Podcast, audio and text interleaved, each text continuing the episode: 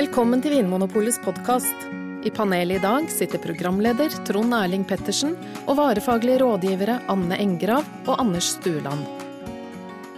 God påske, Anders og Anne. Ja, god påske, Trond Erling. Påske, Trond Erling! Nå er det ikke lenge til Påskelabyrinten kommer på radioen, og lammelåret skal inn i ovnen.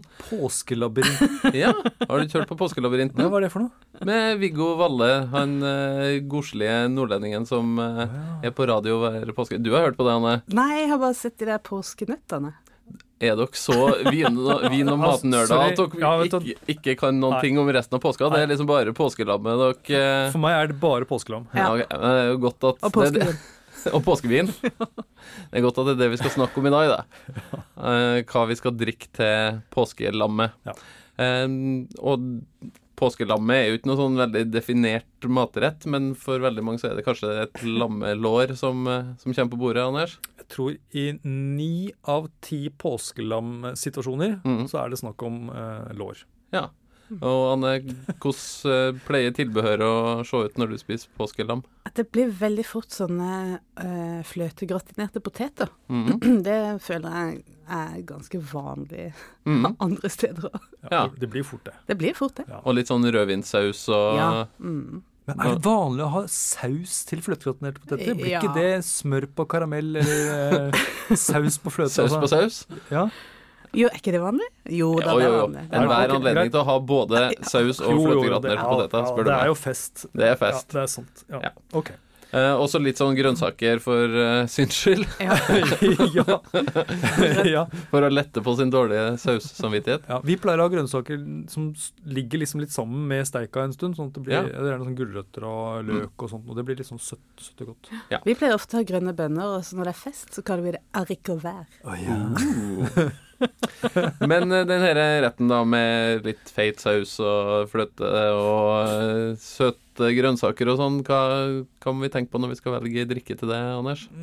Eh, da holder på å si du, er, Nå skal jeg, ønske jeg kunne si at du behøver ikke å tenke på noen ting. Det er, når det gjelder eh, lam eller lammesteik og nå, så er det veldig vanskelig å velge helt feil. Åh, takk. Det var godt å høre.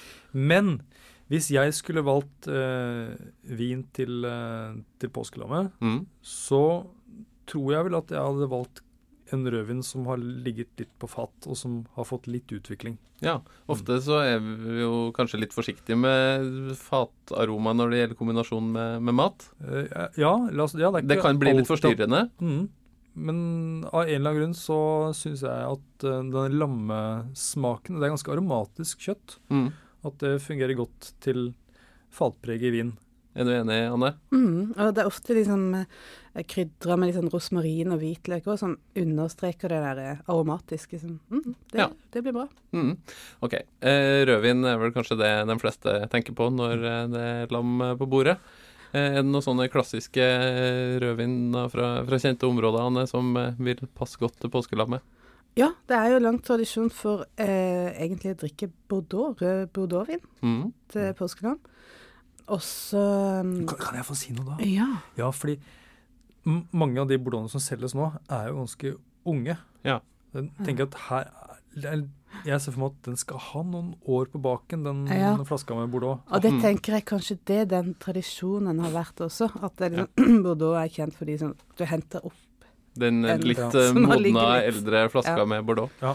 Eh, Hvis man da ikke har en vinkjeller full av lagra Bordeaux, Anders, hvor går vi da? Jeg tenker at det vil, altså Stort sett nesten alle områder i verden som produserer rødvin, så Mm. lager de vin som også har ligget på fat. Mm. Det er liksom når produsentene skal lage litt dyrere viner, de fineste vinene får et opphold på fat. Mm. Så det er mulig å finne litt utvikla fatpreget rødvin Mm. nesten hvor som helst. Mm. Men uh, når det gjelder sånn klassiske valg Ja. til lam, så er det jo sånn som Chianti f.eks., eksempel Mm. men ikke minst Rioja, Mm.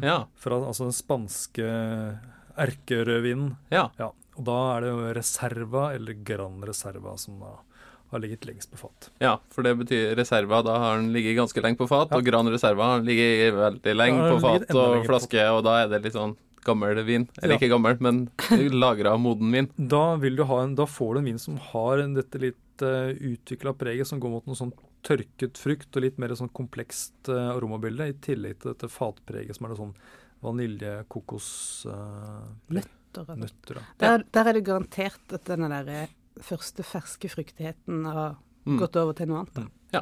Så en eh, rødvin fra Rioja, det blir godt eh, Ja, påskelamme. og det er sikkert noen nå eh, som, som tenker at herregud, så kjedelig Ja. valg. Mm. At det er så opplagt da med den der Rioja Gran Reserva. Mm. Men eh, Det er en grunn til at det er en klassiker. ja, og la oss nå ikke glemme disse gamle, kjære områdene. Jeg har, litt tro på at eh, Rioja kommer tilbake, da. Ja, Men så bra, da har vi klassikeren. Så da skal vi må dere begynne å tenke på en eh, litt spennende utfordrer, da, folkens. Eh, tenk litt på det, og så gir dere meg svaret straks. Da har vi på plass den trygge Riojaen, men Anne, vi må ha eh, et valg for eh, dem som vil leve litt farlig i påska òg. Og da tenker jeg ikke på å gå der hvor du kan gå snøskred i fjellet, men eh, på vinvalg til påskelammet Mhm. som er litt annerledes. Litt avantgarde. Oui. Hva vil du anbefale, da? Jeg tenker jo Det er jo også veldig vanlig å spise lam i Hellas. Mhm. Og vi har fått noen veldig gode greske viner. Ja. Eh, blant annet eh, noen viner lagd på en drue som er litt vanskelig å si. Mm. Men jeg tror det uttales synomavro. Xynomavro har jeg lært faktisk det høres mye riktigere ut. Ja, ikke sant? Kalimera. Kalispera. Kalispera. Okay. Men det er mer um, rødvinene fra Hellas, Ja. kan du sammenligne det med noe vi kjenner litt bedre? Ja, vi har tenkt ofte at de ligner litt på eh, Nebbiolo-viner fra Mm. Piemonte. Altså Barolo og Barbaresco og den Ja, at de har litt det derre Kanskje litt sånn tørka frukt. Noe sånn veldig sånn her eh, Altså, det, det lukter litt sånn uh, urter og blomster, og at det har mye Mm. sånn litt sånn Mm. lette. Ja, og litt utvikla stil, Mm. som dere var inne på i stad òg. Litt sånn snerpende rødvin. Ja, så har det en del eh, tannin, da, men det, Mm. det takler jo lammekjøtt godt. da. Mm. Andre områder som er litt sånn uh, utafor allfarvei? Ja, vi har jo også noen eh, viner fra Libanon Ja. som man kan jo si at de kan ligne litt på Bordeaux-stil, fordi at uh, det har Mm. tatt mye av liksom, Inspirasjon. inspirasjon derfra. Men det er jo fra et annet klima, så du, du Mm. får et litt mer sånn eh, sydlandsk preg med litt sånn tørka frukt, sånn daddel og fiken og sånn. Nesten. Jeg tenker liksom som en krysning mellom Bordeaux og Chateauneuf de Pape. Ja, kanskje ja. Ja. Mm. Andre utfordrerområder som er verdt å prøve? Um, det er masse spennende vin fra Sicilia. Ja. Og da eksempel området rundt Etna, vulkanen. Vulkanen på Sicilia. Ja, Mm. der er det en drue som heter Nerello mascalese. Nerello mascalese. Ja. Og de, eh, eh, de vinene som er lagd på det, de, de kan også kanskje sammenligne litt med Nebbiolo eller, eller Burgund. At de har litt sånn fin sånn rødbærsfruktighet og fine nyanser, og, Mm. og sånn som minner om noe sånn her, eh, kanskje sånn skogbunn og, Mm. og blomster. Spennende. Jeg er sikker på at de drikker Nerello mascalese til uh, Lamme. lammesteik på Sicilia. På Sicilia. På, Ja. Jeg tror de spiser påskelam der òg. Ja, samler de hele familien. Sånn stor familie. Ja. Mm. Nerello mascalese! Ja. Masse gestikulering. og- Ja. Så drikker de et sånt melkeglass. Altså. Ja. Ja. Hvis man skal være enda mer gæren, Anders, ja, går det an å drikke hvitvin til påskelammet? det gjør det faktisk, og det er kjempegodt. Ja. Så det er ingen grunn til å velge bort hvitvin hvis du syns hvitvin er, er godt. Nei. Hva Eh. slags hvitvin skal jeg velge da? Nei, Igjen så er det det at uh, vinen gjerne kan ha hatt et opphold på, på fat. da. Mm.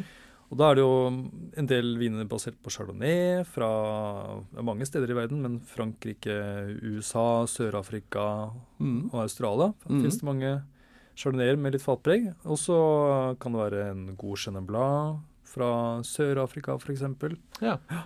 Mm. Det, spør, spør på Vinmonopolet. Det fins mange hvitviner som har, ligger på fat. Ja. De Og det er til og med godt med hvitvin selv om man har rødvinsaus. Det har vi smakt. Ja. Mm. Det er veldig Ja. rart, men det funker fint. Ja, ja. Et påskemirakel. ja. Hva med øl, Anders? Ja da, og det fins mye øl som passer også. Og mm, ja, det jeg pleier å si at uh, hvis, hvis du liker øl med tydelig bitterhet, så kan jo bitterøl som IPA f.eks. Uh, fungere bra. Mm.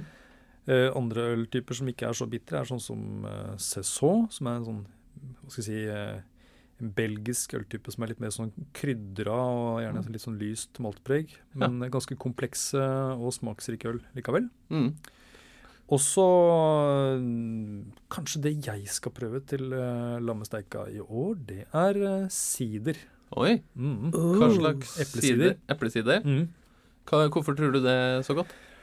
Til påskelammet? Eh, Ja, det, det, jeg bare ser for meg at den der, sånn, den der bakte eplearomaen og lamme Det bare Mm. mm, Ja. Ja, det I mitt hode så bare ser det så Ja. Mm. Jeg kan smake det med hjernen. Da må det være bra. Når jeg tenker på det, så kan jeg smake